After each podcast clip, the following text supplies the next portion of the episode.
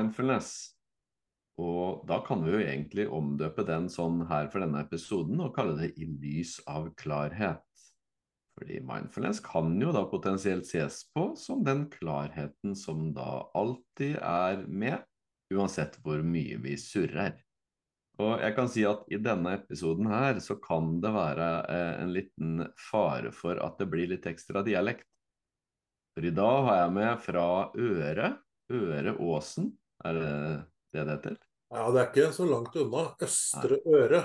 Ja, nettopp. Så det, det, blir, det blir litt sånn, da. Jeg har i hvert fall med Jon Arne Løkke.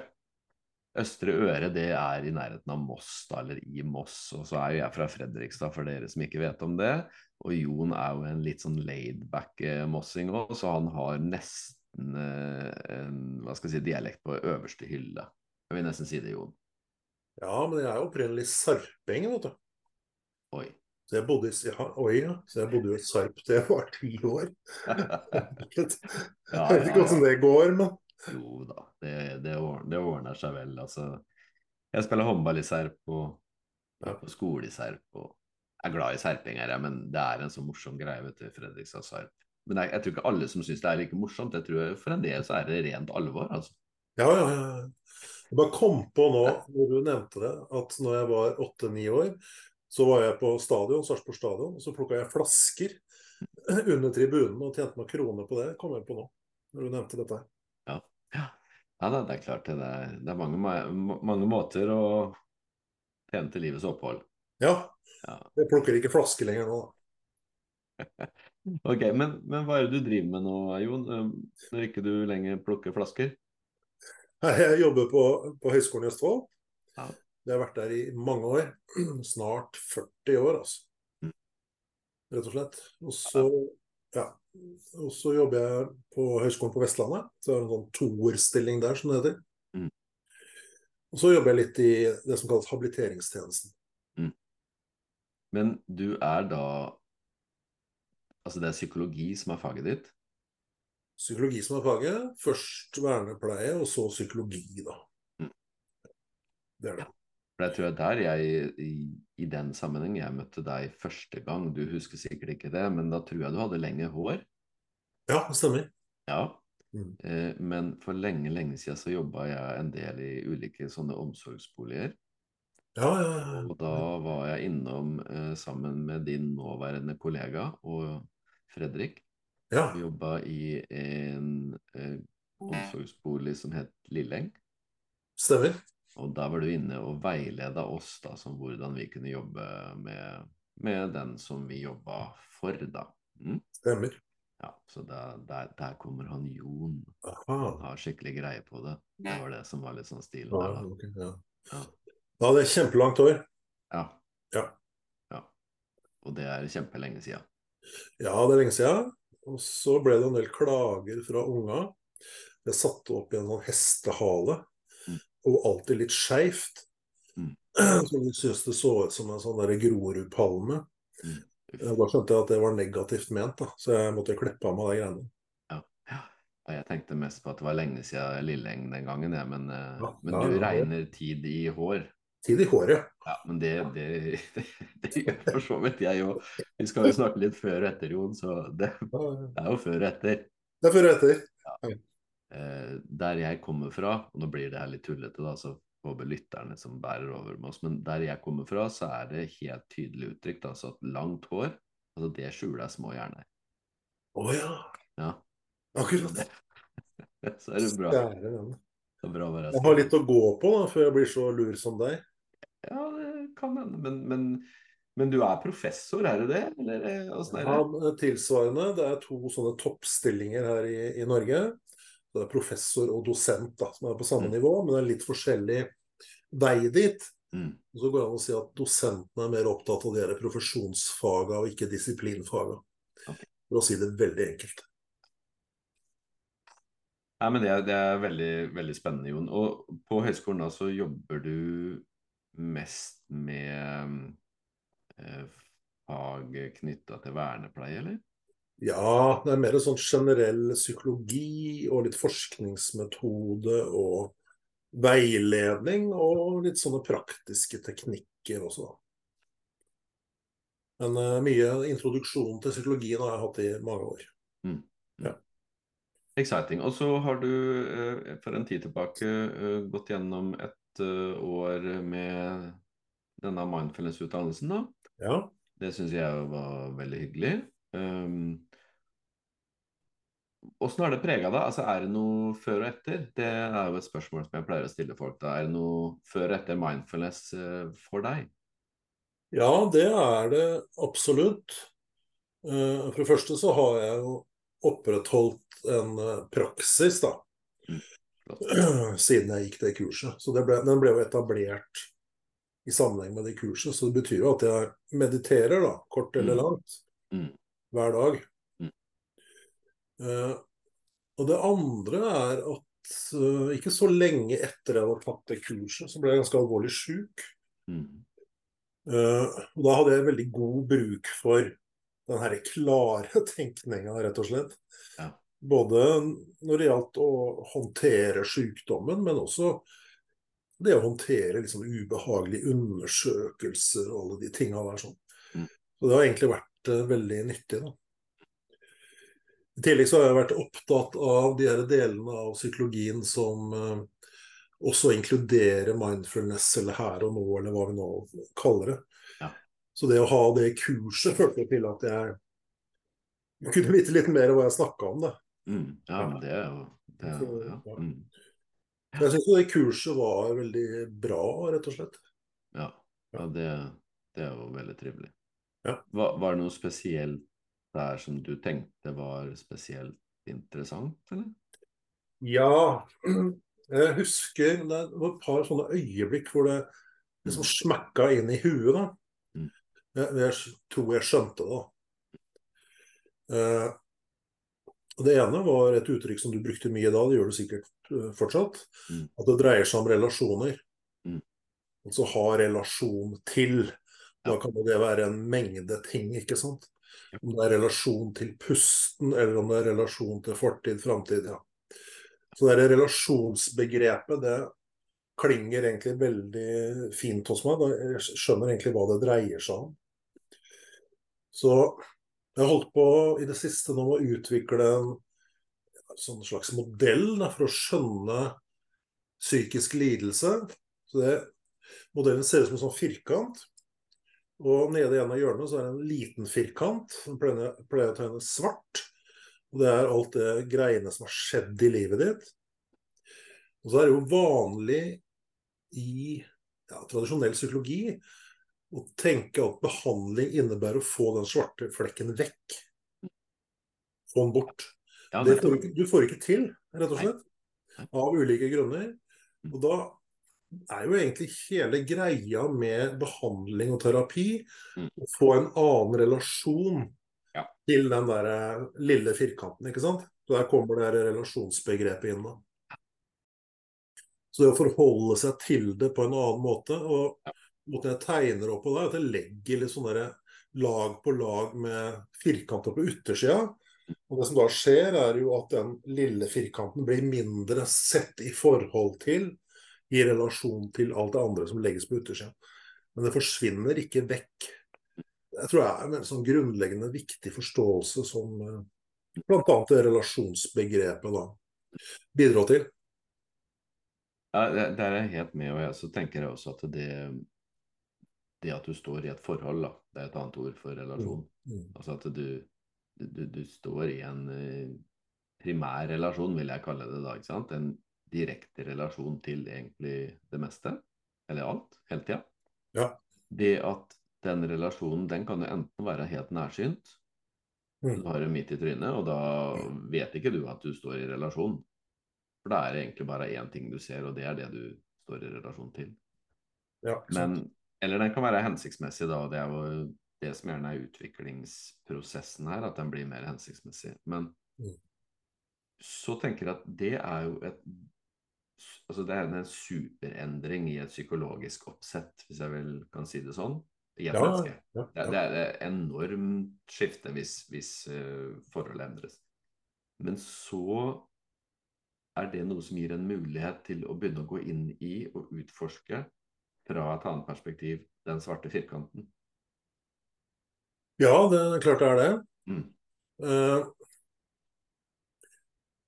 du nevnte det med perspektiv, da. Mm. Og det er jo en av de tinga som jeg har vært opptatt av i mange sammenhenger. Mm. Altså det å nærmest kunne hoppe ut av den situasjonen du er i, og så se inn på det. Og sånn som vi preker nå, da, så ser jeg at du nikker. Mm. Jeg klør meg i skjegget. Mm. Så kan jeg jo da, i hvert fall sånn metafysisk sett, hoppe ut og se inn på det. Og f.eks. lure på åssen går dette greiene her sånn. Og det med perspektivtaking er jo antageligvis noe av det mest sentrale når det gjelder å være terapeut. Og så muligheten til å kikke inn på hvordan går egentlig det greiene her. Altså.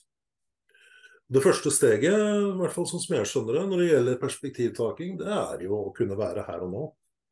Hvis ikke så får du ikke til. Mm. De to tinga henger jo nøye sammen. Da. Ja. Ja, og da, da, er igjen relasjon helt avgjørende. For hvis du ikke er klar over hva som trigger deg til å stikke av gårde.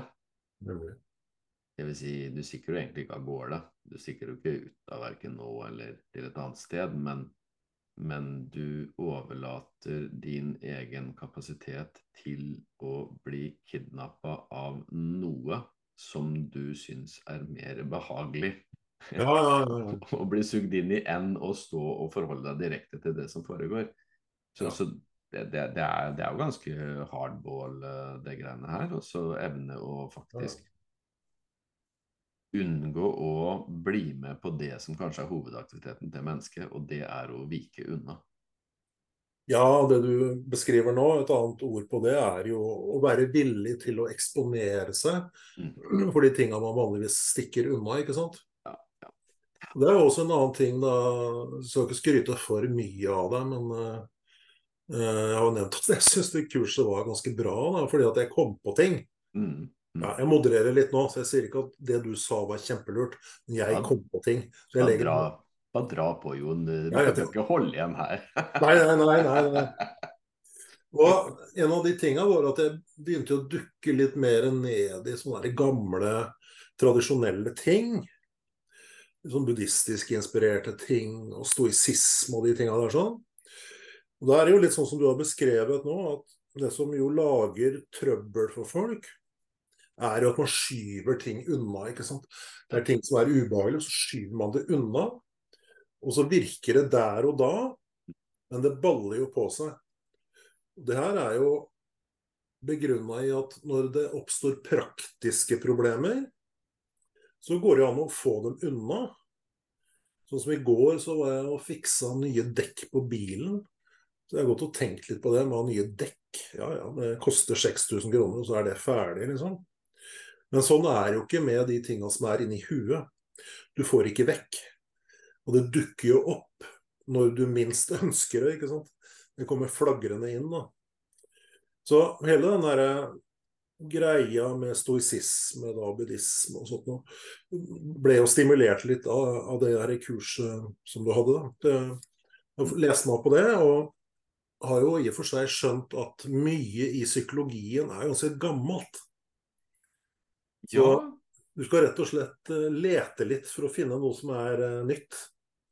Ja, og, og, det tenker jeg det ville vært veldig hyggelig hvis Nå, nå skjærer jeg alt over en kam, da, men hvis psykologien jeg, jeg liker egentlig ikke å bruke sånne kategorier, fordi det blir så veldig stort og, mm. og så, mis, altså, så upresist, egentlig. Men hvis psykologien kunne leta enda mer i det gamle, for å finne noe nytt. Altså for å revitalisere seg selv og, å utvide egentlig sitt eget ståsted, så tror jeg det ville vært meget hensiktsmessig, men samtidig krevende for dem som er innafor dette faget. For det tror jeg ville ekspandert eh, horisonten rimelig heftig. Ja, det har jo delvis skjedd, da, det du sier. Ja. Mm. Og et eksempel på det er jo en kar som heter Albert Ellis. Eh, som laga en egen sånn terapiform ja, Det begynner å bli noen år siden nå. Men uh, han var helt åpenbart inspirert av de her gamle vitentradisjonene. Det samme gjelder jo det som kalles for tredjegenerasjons atferdsterapi, ikke sant? Mm. Uh, hvor det er mange varianter, da, men uh, kanskje det med accept, acceptance and commitment therapy er det mest kjente. Ja. Henter jo masse fra gamle dager, for å si det sånn. Det, jeg, det, det, det, kan vi gjerne snakke litt mer om, Jon. Og jeg antok at du kom til å bli litt opptatt av ACT, så jeg har faktisk forberedt meg litt. Oi, svarte. Yay. Og det er litt morsomt. Men men, men eh, bare ta litt tilbake til den derre få bort. Ja. Fordi den svarte flekken ikke sant, som gjerne vil få bort, eller mm. når noe ubehagelig oppstår, så vil gjerne altså, ha bort de greiene der. ikke sant? Mm. Og så, så, ligner du det med at uh, det er jo en måte vi forholder oss til problemer i det praktiske liv, for da kan vi fikse det og få det bort. Mm. Og det er jeg helt med på at vi bruker gjerne fysiske Altså tankegods fra helt fysiske, vanlige materielle situasjoner. Og så prøver vi å applisere det på noe som da er ikke-fysisk. Og yes. vi trenger ikke å dra det for langt, men jeg påstår jo at vi lever under en påvirkning som er så sterk, og samtidig så ubevisst, at det preger egentlig all vår omgang med oss sjøl og det som foregår oss sjøl. Og det er at vi lever under et materielt paradigme hvor det som er materielt, er det som er lik sant, og som også er lik seriøst, og som er lik smart, fordi det er da det mer vitenskapelige paradigmet.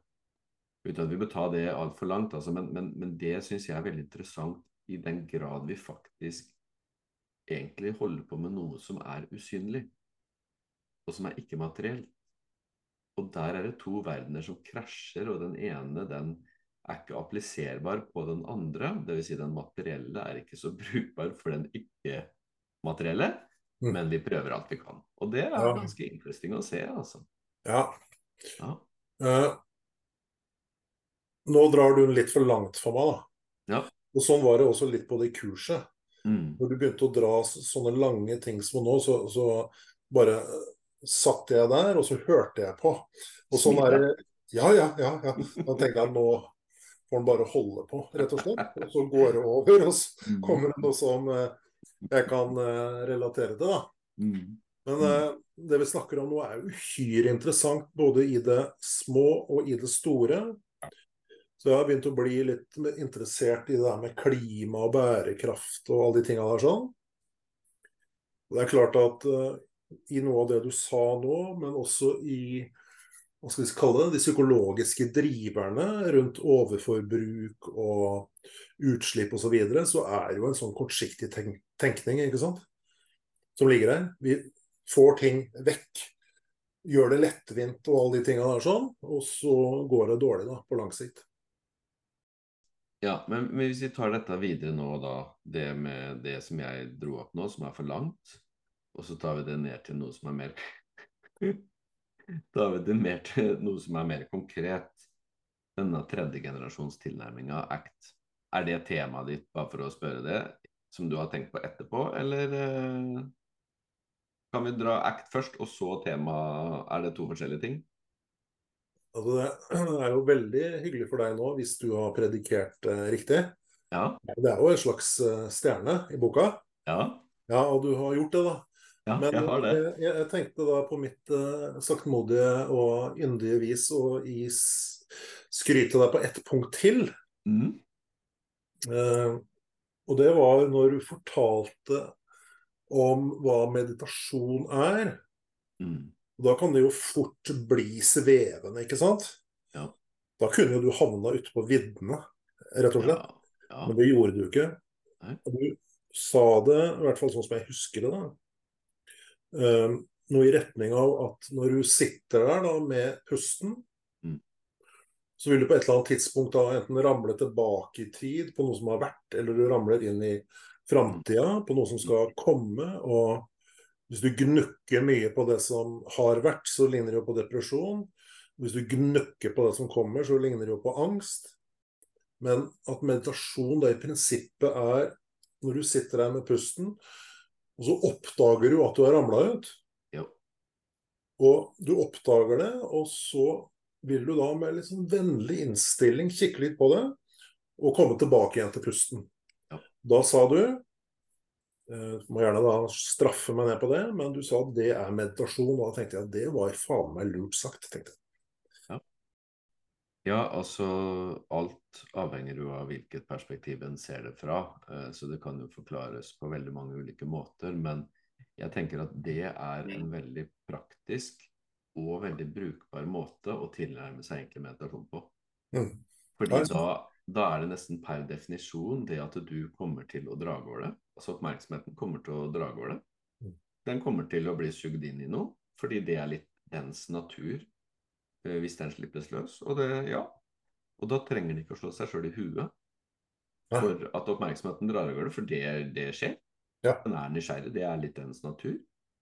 Og hvis du da igjen da uten motstand registrerer at det skjer, og uten trykk på at jeg vil ha bort at det skjer Det er akkurat samme mekanismen.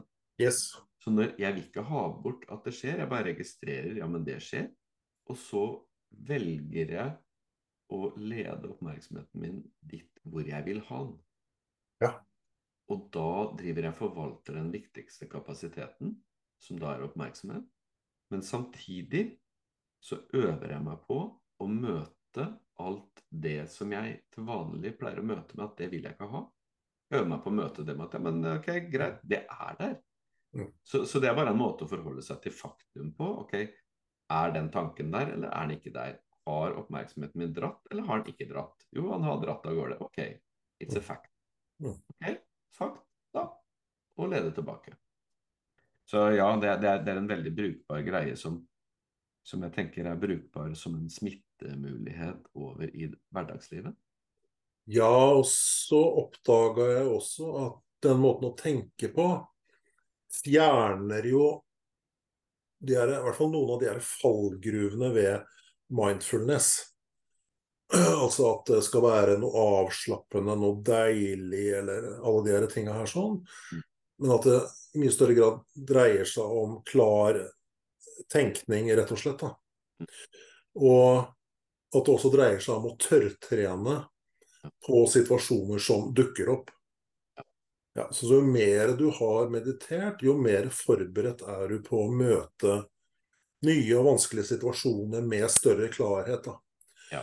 Det syns jeg er et veldig godt argument for å drive med mindfulness. Mm. Du forbereder uh, psyken på et eller annet vis. Da, på en ganske konkret måte. Så det er, det er et veldig viktig bidrag, rett og slett. Du kan jo si at det er et godt argument for å egentlig drive med meditasjon. Og så er det ulike typer meditasjon. Og så er dette bare én spesifikk meditasjonsform som er egentlig ganske løs i snittet. Mm. Altså Den løse snippen ved at det er ikke at du skal ikke sitte og niholde konsentrasjon på pust. Så du, du, du, du sitter med litt letthet, og da, da, får du anledning til å følge med, få med deg hva som pleier å foregå i nøtta di, når, når du ikke følger med så veldig, da. Ja, ja, ja. Og, og, da får du innsikt med en gang. Det er helt, jeg tenker det er helt suverent.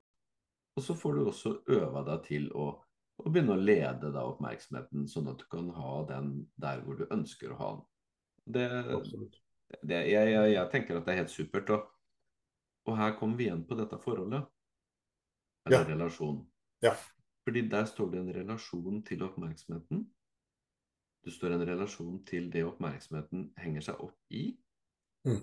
Og først bare at jeg når oppmerksomheten i noe annet enn det som er pointet. For poenget her er at jeg skal være med pusten men mm. han, han, stikker et annet sted. Ok, Da må jeg relatere til at det er et faktum. Og så kanskje etter hvert i livet så begynner jeg å relatere til den svarte firkanten på en annen måte. Ja. For det er et faktum, det òg, sjøl om jeg tenker at åh, den vil jeg ha bort. Og hvis jeg tenker at den vil jeg ha bort, ja, men det er også et faktum. Ja, ja, ja, ja. Og så, sånn går nå dagene, ikke sant. Og da, da, er det mulig å bli klok på ting som er helt praktisk til stede for deg i livet ditt rett rundt hvert eneste hjørne. Jeg, jeg ja. tenker at det er helt suverent. Altså, det er så enkelt og brukbart. Absolutt. Mm. Og det faktum, som du da sier, at man vil ha vekk den lille firkanten, mm. som jo selvfølgelig også kan bli svær, den kan jo fylle hele ramma. Mm. Eh, det er antageligvis en av hovedårsakene til psykisk lidelse. Yes. Forsøker å få det vekk. Og så er det ikke mulig av ulike grunner. altså Det har med mm. hvordan hjernen er bygd opp, men også det med å gjøre at det kommer jo stimulering inn som vi ikke har bedt om. Vi fungerer jo litt som sånne radiomottakere. Det kommer signaler inn fra ulike sendere. ikke sant? Og Da er jo spørsmålet hvordan skal vi håndtere det? Skal vi prøve å få det vekk? Eller skal vi ha en relasjon eller et forhold til det som på sikt da, gjør at det er mulig å leve i tråd med sine egne verdier og livsanskuelser allikevel? Altså.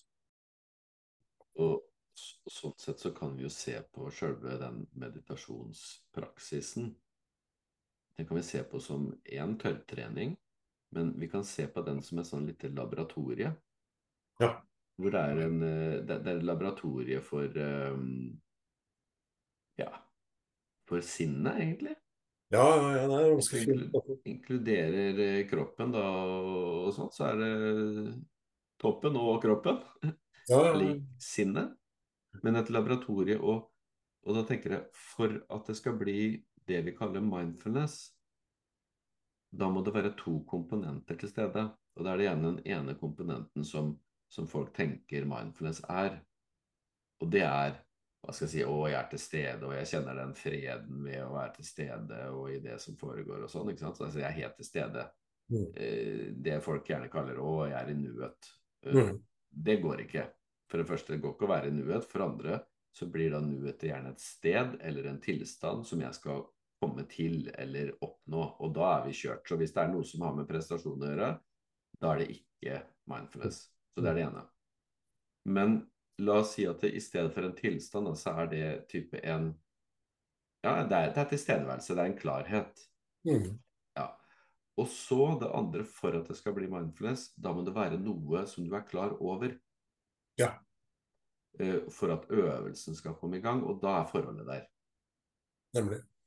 Og da, da, er det laboratoriet hvor du hele tida får muligheten til å sjekke ut egentlig din egen modenhet.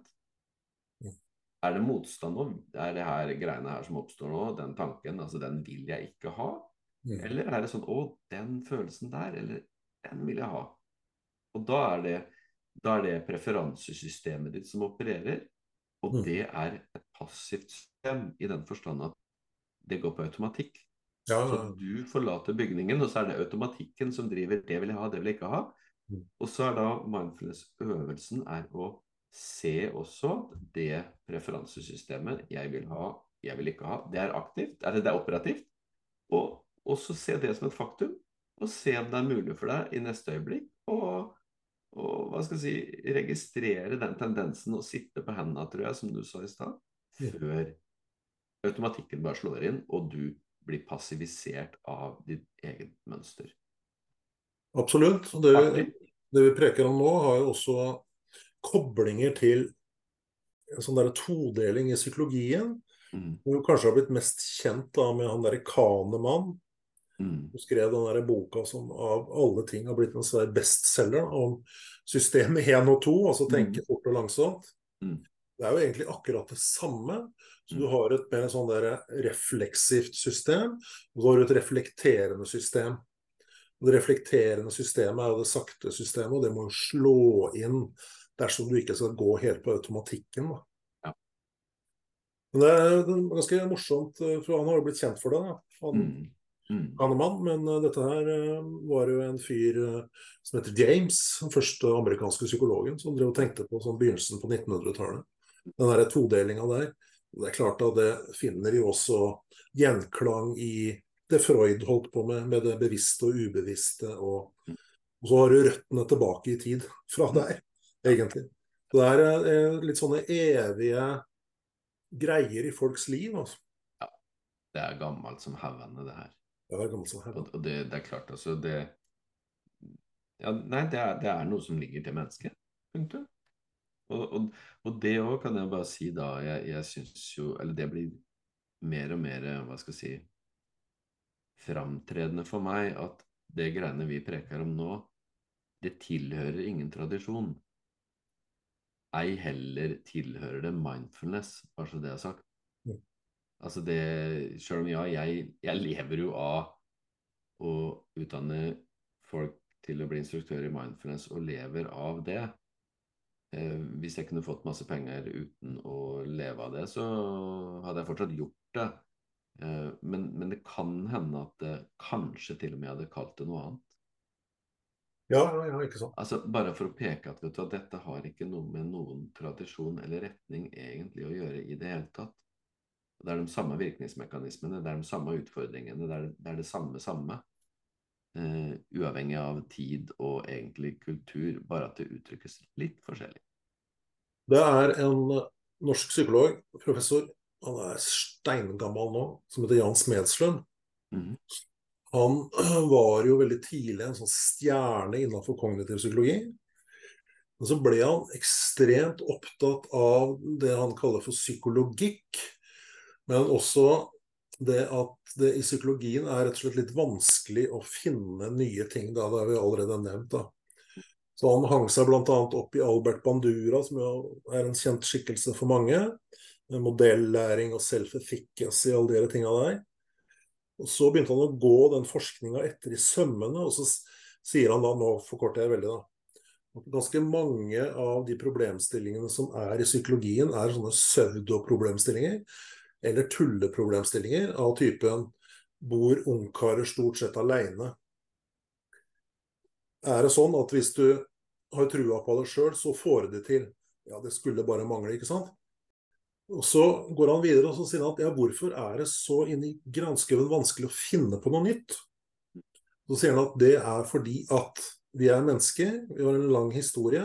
Og dersom du tenker deg om litt, er litt klar, så veit du mye i kraft av å være et menneske.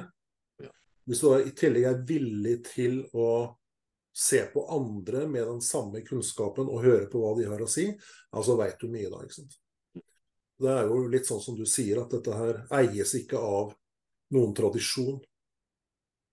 Nei, det, det, det, det gjør ikke det, altså. Og jeg liker veldig godt det villighets... Eh, altså bruken av villighet. Mm. Eh, det, det, det syns jeg er et, eh, ja, et fint ord, da, bare for å ha sagt det. Mm. Men apropos at ikke det eies av noen tradisjon. Og hvis jeg da fortsetter litt den der eh, delen i stad som du syns at nå var jeg langt ute på viddene. Den med den materielle og ikke-materielle oppdelinga. Mm. Eh, så husker jeg tilbake når, eh, når du eh, var og deltok i dette instruktørkurset, så snakka vi jo litt om ACT. Ja. Uh, og, og, jeg var vel sikkert da litt sånn uh, vanskelig å ha med øra på noen områder, hvor uh, jeg er veldig opptatt av det indre. Kall det gjerne selve. Og så kan det nok ha vært sånn at jeg har vært litt da peket i retning av enkelte tradisjoner, litt nyere tradisjoner, som f.eks. psykologi, da. Eh, og så kanskje jeg til og med hevder at de er veldig opptatt av det som foregår i kropp og syke. Emosjoner og tanker og alt mulig, og at det er egentlig ja, Kanskje det perspektivet som oppstår i det rommet, da, det er sånn såkalt meta. Altså et metakognitivt perspektiv. Eller altså du går i et mm. metaperspektiv, men du er fortsatt innafor det samme rommet. Mm. Og så hevder jo jeg da at det, det fins også andre rom. Mm. Og det neste naturlige rommet, det er da et rom hvor det er klarhet og type sannhet. Ikke sannhet enn, men, men noe som er klar over eh, seg selv, og som, som er uh, hvilende, og som ikke er trengende. Altså det, det som er essensen egentlig i kroppssyke, er at det er trengende per definisjon. Så det vet ikke av seg selv, og så har du et rom til og så kaller jeg det for selve, eller det indre, eller Og så sier jeg at det opplever jeg at det fins ikke i psykologien. Og her begynte vi da, vet du, og så begynte vi å diskutere litt, ikke sant. Og da husker jeg at du hevda at eh, jo, i ACT For der har de noe som heter selve som kontekst. Jeg ja. tenker, Og det, det, det har jeg sjekka litt ut nå, da, vet du. Å ja, så fint, da. Ja, ja, ja. Og det er artig. Og jeg er glad for å kunne si at du synes å ha helt rett. Og at jeg da til dels da kanskje må spise noe av min tilnærming for en stund siden. Og det er jo ingenting som gleder mer, fordi jeg håper at dette kommer mer og kommer, tar en større plass da i psykologien. Så da kan vi vel åpne dette temaet, da. Nå syns jeg det ble en veldig flott balansering ja. av vårt forhold. Ja. Jeg har jo starta ut med å ta tre ting som stiller deg i et godt lys. Ja. Nå trekker du liksom, du trekker deg litt sånn eh, tilbake ja. på en hyggelig og høflig og fin måte. Og gir meg litt plass. Så nå er det vel 1-1. Ja. Ja, jeg tror det. Mm. Det er ca. uavgjort nå. Cirka uavgjort. Ja, det var jo vakkert, rett og slett. Bal balansert, som du sier. Ja, balansert. Ja. Ja, det her selve i kontekst, de har jo vært litt inne på det.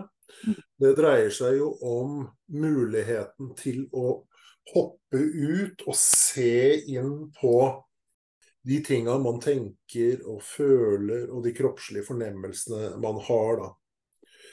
Hvis du da i tillegg kobler det på en sentral komponent i ACT, nemlig en sånn verdigjennomgang, altså hva, hva er nå egentlig viktig i det her livet, så tror jeg det begynner å nærme seg noe av det du tenker på, da.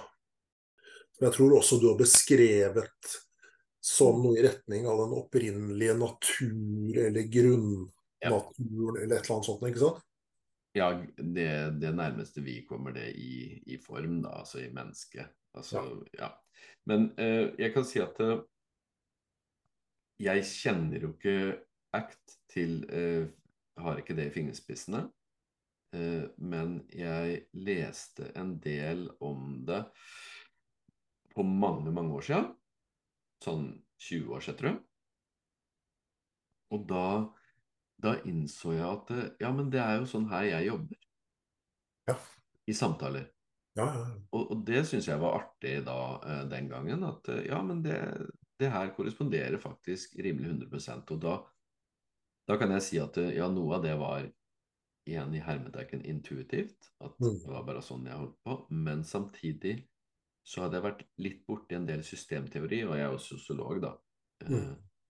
Og, um, og um, litt sånn narrativ terapi. Ja. Mm. Og det likte jeg veldig godt. Uh, sånn at uh, det, det, var en hva skal jeg si, litt sammensurium i det, da, som sikkert påvirka meg den gangen, som gjorde at jeg jobba litt sånn. Mm. Uh, I nærheten av det jeg da forsto med ACT. Så jeg har, veld, jeg har, veldig trua på det, altså. Ja, og det, det, ligger jo nesten litt i ordet her. altså mm. Acceptance and commitment, eller mm. aksept og forpliktelse. Mm. Den der akseptkomponenten er jo ting du er eh, opptatt av. Mm. Den dreier seg jo om å ikke skyve ting som er ubehagelig, unna. Mm. Og her, Dette har vi også snakka om tidligere at uh, i det feltet vi er nå, så er det jo så mange muligheter for misforståelser. Ja. Så det her akseptbegrepet blir jo noen ganger misforstått som resignasjon. Yes. Altså Det er en oppfordring til å gi opp, til å gi faen i verden rundt osv. Mens det, det, er jo så fjernt som du bare kan få det. For det dreier seg om de tinga som kommer til deg uten at du har bedt om det. Og så er jo spørsmålet hva skal du gjøre med det? Skal du febrilsk få det unna? Eller skal du kikke på det med litt vennlighet? da, ikke sant? Det samme greiene har jo når det gjelder mindfulness. ikke sant? Det er en ja. million sånne misforståelser. Ja. Det er jo ikke så lenge siden det kom noen artikler hvor man pekte på at det hadde bieffekter. Ja. Du måtte kikke litt på det, hva de bieffektene var for. Ja. Det var at folk hadde fått, fått det litt leit og ubehagelig. Ja. Og så tenkte jeg det skulle jo faen meg bare mangle. altså. Selvfølgelig. Poenget er jo å sitte der, og så kommer jo det som kommer. Da kommer det selvfølgelig også noe som er ubehagelig. Så det sånn, ja. ble beskrevet som bieffekter. Jeg mener at det var jo effekter isteden. Ja, ja. Nei, vet du hva. Altså det Det greiene der, da, da, da, da blir jeg litt vanskelig å ha med kjenner jeg. Når, når, folk kommer trekkende med da typ forskning om at det er bieffekter som at nå skal vi ta dere nå. Nå har vi funnet ut noe her, bare sånn at dere vet det. Så det er eh, masse negativt. Ja, men selvfølgelig er det det. Sier seg sjøl, det. Altså hvis all type behandling, alle utviklingsprosesser eh, har potensial for ubehag. Herregud. Du, ja. tror du det at du nevnte tidligere i dag at noen misforstår mindfulness mm. i retning av at det er et sted? Ja. Jeg bare tenker på alle de kursene som arrangeres. Ja. er jo ofte på et sted, ikke sant. Det er et eller annet hotell ved havet, og det er bilde av noen mm. som sitter med et pledd og en tekopp. Så det er fort gjort å begynne å tenke at det er et sted. Det samme gjelder jo egentlig den der retreat-tankegangen. At du skal være på et bestemt sted for å ja. få det gjort. Det, det, kan egentlig skape litt misforståelser.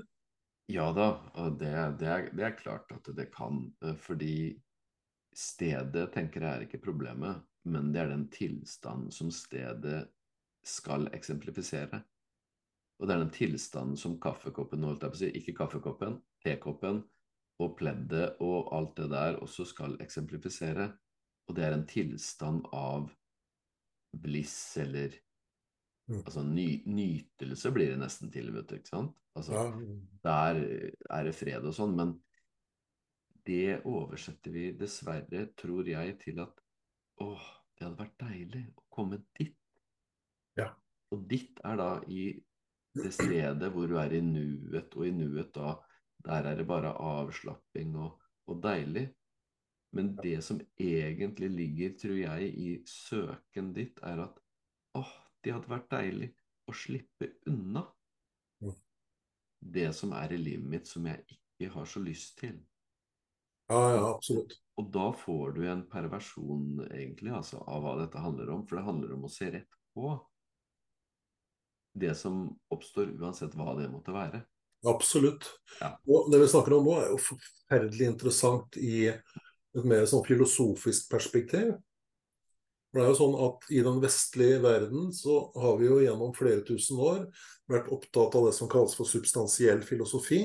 Mm. Og jakter på kategorier eller gjenstander eller essenser eller Vi snakker om diagnoser, personligheter, som gjør sånne avgrensa ting. Mm. Uh, mens det jo hele tida har vært en uh, sånn annen åre i filosofien, det som kalles for prosessfilosofi, mm. hvor det jo er mye mer vekt på variasjon, det er kreativitet, ting flyter. Ting er ikke, ting blir. Og den tenkninga, hvis du er litt sånn uh, tro mot den, gjør jo at du ikke faller ut i grøfta om at mindfulness er en tilstand som varer over tid. ikke sant? Lykke, f.eks. Nei. Nei det, og det tror jeg kanskje har med den her substansielle filosofien å gjøre. At vi tenker i bokser og kategorier, mm. essenser. Mm. Så en sånn prosessfilosofi vil nok eh, være veldig forenlig med mindfulness-tenkning. Ja. Og så spørs det sikkert hvor du tar det hen, og hva som ligger i den der andre, mer essensforklaringsdelen. Fordi jeg forstår at en del har litt uh, allergi mot det. Og at du nesten blir idiotforklart hvis du tenker eller kommer med en forklaring som peker mot at mennesket har en indre essens. Ja. Eh, og, og det vil jo jeg hevde, da.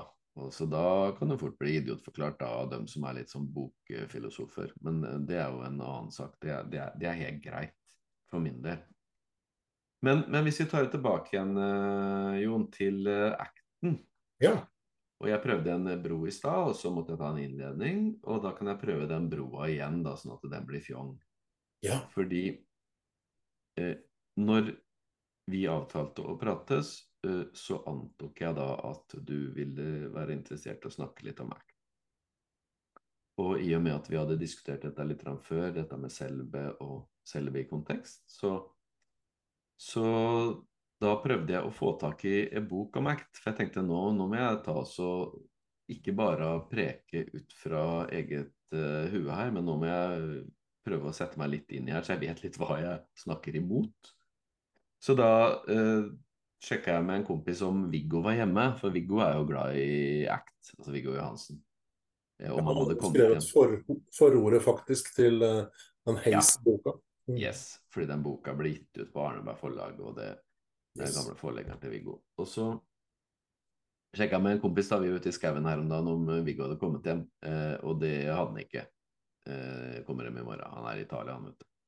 Så da fikk jeg ikke sjekka noe, eller lånt noen bok av han, da. Og så hadde jeg ikke veldig god tid heller, så, så da gikk jeg på Audible, og så lasta jeg ned eh, noe jeg tenkte var en bok, da. Og så antok jeg at innledninga kanskje kunne peke mot eh, noe som da lå til grunn for at han i det hele tatt snakka om selve. Eh, og, og, det jeg lasta ned, det var et sånn derre syvtrinnskurs eller noe sånt noe. Okay. Det var, var, ikke en bok, men det var nettopp det at han prata om seg selv og sin egen erfaring. Så det, det var veldig ålreit. For det, det, han fortalte Du har sikkert hørt det her eh, flere ganger, eller lest det flere ganger, om at han fortalte om sine egne erfaringer med panikkangst. Ja, du er på Stephen Hays nå, eller? Stephen Hays, ja. Yes, mm. yes, yes, yes. yes. Ja, det har jeg hørt òg. Ja. Og det, det, var jo helt fantastisk, syns jeg. Eh, han forklarte han satt der, da var to eh, overprofessorer som da i det øyeblikket sikkert var overkinkadorer, og som drev og sloss. Eh, og han skrev det, eller sa det sånn, jeg tipper at de ikke gjorde det fysisk, men at det var en hard type kamp med intellektuelle kniver. Mm. Og så skulle han da til å si noe, for han tenkte at her må jeg prøve å si noe. Kanskje for å få de kampanjene til å liksom roe ned lite grann. Og så strakk han opp handa og skulle til å si noe. Og da tipper jeg han så seg sjøl utenfra, og så seg sjøl så ut som en fisk. Hvor da bare munnen bevega seg opp og ned. Og han mente at dette skjedde i ja, minutter eller 30 sekunder eller noe sånt, noe, hvor han prøvde å si noe og ikke fikk sagt noen ting. Uh, og, og når han var på vei ut døra, etterpå en grusom opplevelse for en relativt fersk uh, akademiker i det miljøet. Så var han jo allerede i gang med å prøve å finne uh, både grunner til at dette måtte være feil, grunner til at det var sånn, og masse tanker om hvordan han skulle få det bort og mm. fjerne det. Alt fra terapi, eh, at han måtte skjerpe seg, at han måtte forstå noe dypere, til medisin. Og der tenker jeg at der, der starta jo der starta hans egentlig prosess inn mot noe som viste seg å bli veldig klokt. Og det, for meg, det må jeg si, kudos til Stephen Hays, som nevner det. Altså bare at han snakker åpent om det. Og jeg så et intervju på YouTube bare litt om altså Callen ser lummen ut. Ja, ja, ja. Ser ut som han hviler i seg sjøl. Og, og, det tror jeg rett og slett han gjør fordi han han, eh, altså, det, er, eh, det, er, et sant uttrykk. Han eh, holder ikke tilbake. Han har hatt panikkangst som psykolog. Det er helt suverent at han kommer fram med det. Det er, ja, er flere, flere, av disse her mm. gode act-folka de er, det er ganske sånn typisk at de drar fram egne erfaringer. Ja. Så det, det, er egentlig regelen mer enn unntaket. Ja, og det gjør det veldig mye mer troverdig i min verden. Det gjør det. Ja, veldig mye mer. Mm. Men så kom han da til eh, at han spola framover. Beskrev da selvfølgelig masse ulike panikkanfall. Ikke detalj, men at han hadde mange. Og at eh, han en dag satt on the carpet, var da the experience on the carpet på gulvet i leiligheten til sin eh, kjæreste. Og så kom det da et eh, kraftig anfall. Og så erfarte han plutselig at han, at han så seg sjøl utenfra. og som at han, han kunne registrere at han var noe annet. Han mista antakeligvis kontakt med kroppen. Han var noe annet enn kropp og syke. Det er, sånn, det er mine ord, akkurat det med annet enn kropp og syke. Men han, han registrerte da den stemmen, eller den gnålinga, som fortalte han at sikkert han var dårlig. Dette er krise. Dette er farlig. Dette må du få bort. Mm. Alle de beskjedene som ville opprettholde kriseberedskap i kroppen. Så nå, nå, bruker jeg litt mine ord altså, og, og, forstår det på min måte, men, men han tok ut et perspektiv og forsto at jeg er ikke kroppen. Jeg er heller ikke det som foregår i psyken. Men jeg er det som observerer det, og jeg kan ta en beslutning som meg. Og da tok han et par beslutninger at aldri igjen og sånn. da, syns jeg var litt dramatisk av han, men, men, det ga sikkert mening og, og effekt for han der.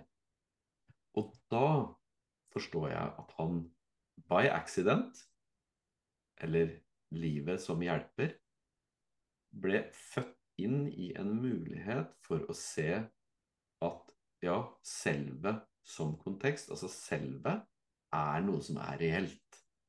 Mm. Og det er noe i oss som har en helt annen type klang, natur, klokskap. Mm.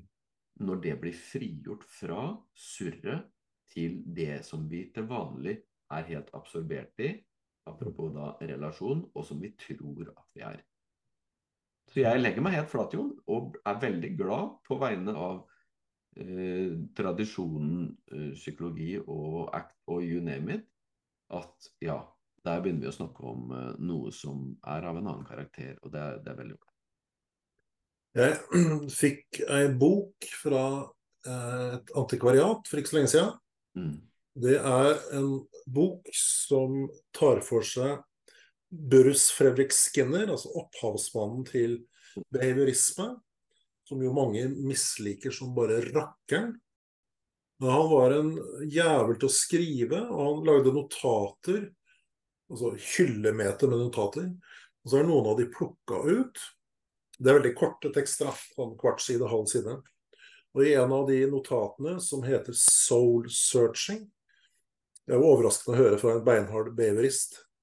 Så skriver han om at han hører på et musikkstykke, han var opptatt av klassisk musikk, og at han nærmest kan hoppe ut og se inn på dette og få en annen opplevelse av det. Og så spør han seg sjøl kan det være dette som er selve. Uh, ja, kjempeinteressant. Og så skrev han jo videre om dette her. Han kom med en bok i 1957 som heter 'Verbal Behavior', og en bok i 1953 som heter 'Science and Human Behavior'. Da går han videre på de her ulike selva og snakker om det utførende selve og det kontrollerende eller observerende selve. ikke sant? Og det er jo ikke så langt fra det observerende selve eller kontrollerende selve til de tinga du snakker om. Nei, eh, det kontrollerende er et stykke unna, eh, tror jeg nå. Ja, men det er bare ordbruken. Ja, ok. Mm. Ja. Det, er, det, er, sånn at uh, når du sier at det er langt unna nå, mm. så kan jeg hoppe ut av det og høre på det. Og så kan jeg ta en avgjørelse på hva jeg skal gjøre med det. Mm. Skal jeg nå bare la det passere, eller skal jeg ta litt til mot berget, ikke sant? sånn som jeg nå gjør, da. Mm. Og da er det det kontrollerende selve som slår inn. Så det er ikke, det er ikke, det er ikke noe med kontroll å gjøre. Nei. Å, nei. Det er rett og slett det påvirkende selve, kunne man kalt det. Eller, ja. ja. ja. Men, men hvis, hvis, vi da tar utgangspunkt i at tyngden ligger i selve, og at selve er noe som er av eh, noe annet, dvs. Si av en klokere natur, og så har da kontroll blitt kobla på det, men kontroll kan også bli kobla på det motsatte. Mm. Og det motsatte i hermetegn da igjen, men det er da behovssystemet som alltid er trengende mm. som er da i kropp og syke. Så hvis den samme mekanismen, eller samme si, kapasiteten, blir kobla på det ene eller det andre, så vil det få to helt ulike uttrykk. Ja, ja, ja. ja. Så, så, hvis vi tar f.eks. da dom, da, mm. og ikke dom, mm. så strekker du det ut på en linje, og så har du Hele den linja heter egentlig vurdering. Ja, ja, ja. Det er evne til å vurdere. Og så, hvis den evnen til å vurdere blir tatt av behovssystemet, altså kropp og syke, ja, men da vil du vurdere eh, deg selv i forhold til meg, f.eks. da. Og nå er jeg bedre og smartere enn Ivar akkurat nå, ikke sant. Og dessuten så er jeg bedre til å lage mat, og han er dårlig. Altså, mm. da, da, kommer hele det greiene der. Mm. Men hvis den samme evnen, eller samme kapasiteten, vurdering Hvis den går nærmere det som er selve, mm. så vil det først bli fra dom, vil det gå fra dom, så vil det gå til ikke-dom, som er liksom nesten øvelseskategorien. Mm. Så vil det gå til sjeldne evne. Og det kontrollerende der da som du snakker om, som du mener da er eh, ordbruk som gjør at jeg kikker, men at det egentlig ligger nærmere, ja, men da kan jeg kanskje forstå det kontrollerende selve som eh, vurderingsevnen blitt kobla opp til skjellevne. Ja, og da begynner det å ligne på system 2, ikke sant? Ja. Den type greier. Men, ja. du, når du snakker om det nå, det er veldig mm. interessant. Det. Eh, det er faktisk også sånn at det er mulig å kjenne forskjellen på de her to selva. Så hvis jeg nå spør deg hvor mye er 16 ganger 11 mm. Da vipper jeg inn der, for jeg er dårlig i matte, så det går ikke. Ja, ikke sant? Da kommer den greia der sånn. Hvis jeg sier nå hvor mye er tre ganger tre, i meg, så bare mm. smeller det inn, ikke sant? Mm. Du kan nærmest kjenne at det er forskjell på det. Når jeg sier 16 ganger 11, som er 176, mm. så dundrer det og går opp i, i deg, ikke sant? Mm. Så der, der, er det system 2 som slår inn, så du kan faktisk kjenne det. Og Et annet eksempel på det er noe jeg har vært opptatt av de siste åra, nemlig prokrastinering hos studenter og andre. Altså det å utsette ting som er ubehagelig, skyve det unna. Mm. Skyve unna forventninger om å levere eller et eller annet sånt noe. Og i det du prokrastinerer, altså du har fått en, eh, en instruks om å gjøre et eller annet, og så finner du på noe annet. Og I det du finner på noe annet, så er det akkurat som det letter noe fra skuldrene, så du kan kjenne det i kroppen. Ja. Eh, motsatsen til dette her er jo da å hoppe ut og kunne se på de tinga som skjer, gjøre en vurdering, koble det på verdier og kanskje rett og slett gjøre det allikevel. Så det har jo noe sånne, De systemene her har jo noen sånne emosjonelle komponenter som er ganske interessante. Jeg vil jo da kanskje påstå at uh, system 1 ja. i et område jo nærmere du kommer hva skal si, det indre eller selv, eller hva du kan kalle det, da, går over til system 2, hvor du da er bevisst, og det er tregere, og det krever mer kapasitet, og det er refleksivt og alt det der. Men så, når det andre, det indre, kommer med på banen, så blir det system 1 in action. Og det er umiddelbart, og det er, det er tvingende nødvendig, eller det er en måttethet i det. Så det mm. er ikke treigt, og det er ikke refleksivt på samme måte som at du må gå bevisst i perspektiv, eller hva det måtte være. Det er en natur som er rett og slett bare mye mer direkte. Mm. Og da, da, tror jeg kanskje vi kan begynne å tappe litt inn på da hva Hays kunne erfare der han, der han satt på, på teppet sitt. At han kjente at vet du hva, men her er en annen klarhet. Mm. Og her kan jeg ta andre beslutninger, for jeg ser at jeg er ikke kroppen, og jeg er ikke psyken. Og, og, det er greit nok at han kunne se det i en sånn der, et glimt, sånn nips, mm. glimt. Det er det mange som har hatt. Ja, ja. Men det å leve i tråd med det indre, yes. det, er no, det, er noe helt annet. Og da, da Det får følger for måten du er i, i verden på. Ja, og dette du, du sier nå, er jo typiske sånne act-kommentarer. Mm. Nemlig å kunne leve et liv i tråd med verdiene sine, selv om ting er ubehagelig, plagsomt, at du får angst osv. Men allikevel leve et liv i tråd med verdiene. Det er liksom tilsvarende formuleringer. Og da vil jeg tenke, og nå må jeg beklage til dere som lytter, da, men jeg tenker dessverre i bilder, så det er veldig klart og tydelig foran meg når jeg, når jeg preker. Men dere, stakkar, kan jo kanskje få vondt i huet, da. For dere ser jo ikke det jeg ser. Men uh, jeg vil jo tenke også, Jon, at uh, verdiene da, de er på mellomnivå.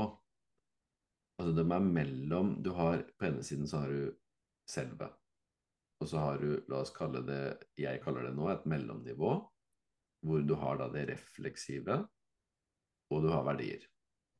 Og så har du borte på den andre sida, der har du surret. Der har du kropp og syke og alle behova som skal dekkes der. Der har du kanskje system 1 sånn grunnleggende, kanskje. Uh, og det å kunne leve det, og det å kunne leve et liv på tross av alle utfordringene, sånn at du lever i tråd med verdiene dine, ja, det kan du, en, du kan enten hente den krafta fra det mellomliggende nivå hvor du bruker ACT, og du finner ut disse verdiene, og så blir du linka til verdiene, sånn at det hjelper deg. Men så vil jeg påstå at det er et nivå til, og det er en mulighet til. Det er at du, du kjenner noe i deg som du er nødt til. Altså, du må leve i tråd med det. Hvis ikke så taper du deg selv. Og da, hvis du har fått disse verdiene eh, skikkelig godt etablert da, altså at de faktisk stemmer overens med det du er, mm. så vil du kunne lettere leve et liv i tråd med verdiene. Så... Ja, det er, nok eh, det, det, siste nivået ditt som mm. lager det største problemet i forhold til moderne psykologi og, og vitenskap. ikke sant? Ja. Når det begynner å ligne på noen sånne grunnleggende essenser yes. gitt av Gud, eller et eller annet sånt noe. Som eh, gjør at det er i hvert fall eh, må tenkes ordentlig på, da. Ja. Og, og, og det, det, er det her som gjør at jeg er da Eller utgangspunktet da var litt usikker på om med act-perspektivet at det menes det samme. Mm. Ikke sant? Med det, dette selv i kontekst mm. kontra det jeg mener med det. Og jeg kan si at det er jo ikke en Nå er ikke det en filosofisk påstand for meg. Det er eh, Jeg skal ikke si at jeg fullt og helt lever i tråd med, med det indre. altså Det er klart det er masse, masse surr og sånn, og det vil det være uansett. Men at det, det har en helt annen betydning for meg i mitt liv nå. Mm. Så, så, jeg kan si at vet du hva, ja, jeg, jeg kjenner til det. Mm. Og, og, da er det noe som da lever i stor grad etter hvert deg. Det, det er bare noe som, som, kommer mer og mer på banen, og som, som gir seg til kjenne. Og det, det, er det jeg kunne Det hadde vært veldig ålreit om, om det var noe som faktisk ble sett på som, som noe som var faktisk, da. I de ulike tradisjonene. Fordi det det er, her du kommer til det med det materielle og det ikke-materielle. Mm. Mm. Eh, og hvor det som kan måles, veies, pekes på og gjøres forståelig gjennom det, ja, men det kan vi, det kan vi anerkjenne som det er virkelig. Ja, det er, det er jo interessant, da. Mm. Men det du sier, har jo noen problemer knytta til seg. Mm. Fordi at det fort kan bli sånn at de som har det på den måten som du beskriver det nå, mm. de sier at det er sant. Og vi som ikke har det, vi har ikke kommet på høyt nok nivå. Mm. mm. Og det er jo en type påstander som man i hvert fall må se på med litt klarhet, for å si det sånn. Ja. Ikke dette her eh, mm. blir nesten litt sånn som eh, ja, folk som driver med overnaturlige ting, sier. ikke sant, At de driver med håndspåleggelse og kan, ja, det kan skje ting. Mm. Uh, og hvis du prøver å undersøke det ordentlig, så er svaret at hvis du prøver å undersøke det ordentlig, så forsvinner det. Mm. Ja. ja. ja det, det, er klart altså, det, er, det er masse problemer knytta til det. Uh, og jeg vil jo påstå igjen da, sant, at problemet som er knytta til det, særlig er uh, et problem fordi det nå er ikke uh, noe som vi antar faktisk fins. Eh, og, og, det er det jeg da peker mot at ja, men hvis vi sjekker ut sjæl mm. så, så, det er den eneste måten en kan egentlig si noe om det, er å, å sjekke det ut sjæl. Og, og, da ta det forbi det at det er en påstand.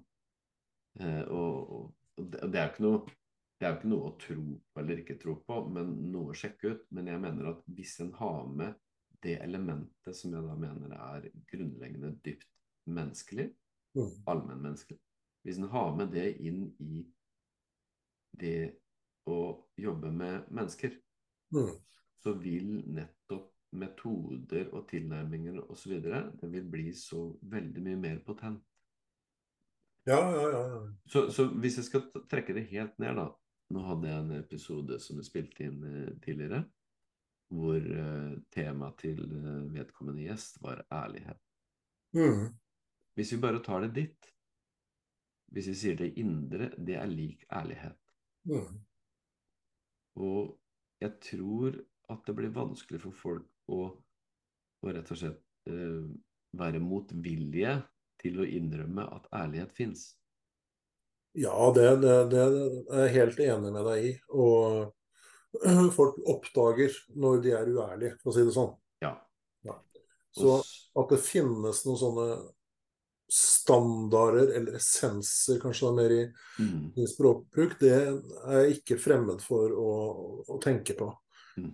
Uh, og det er jo sånn at det er noen handlinger som du i alle kulturer vil finne at uh, dersom folk gjør det, så vil uh, de som ser på eller hører om det, si at det er forkastelig. Yes. Så ja, du skjønner hva eksemplene kan være her. Mm. Det, det, kan jo peke i retning av en sånn grunnatur som du er inne på, da.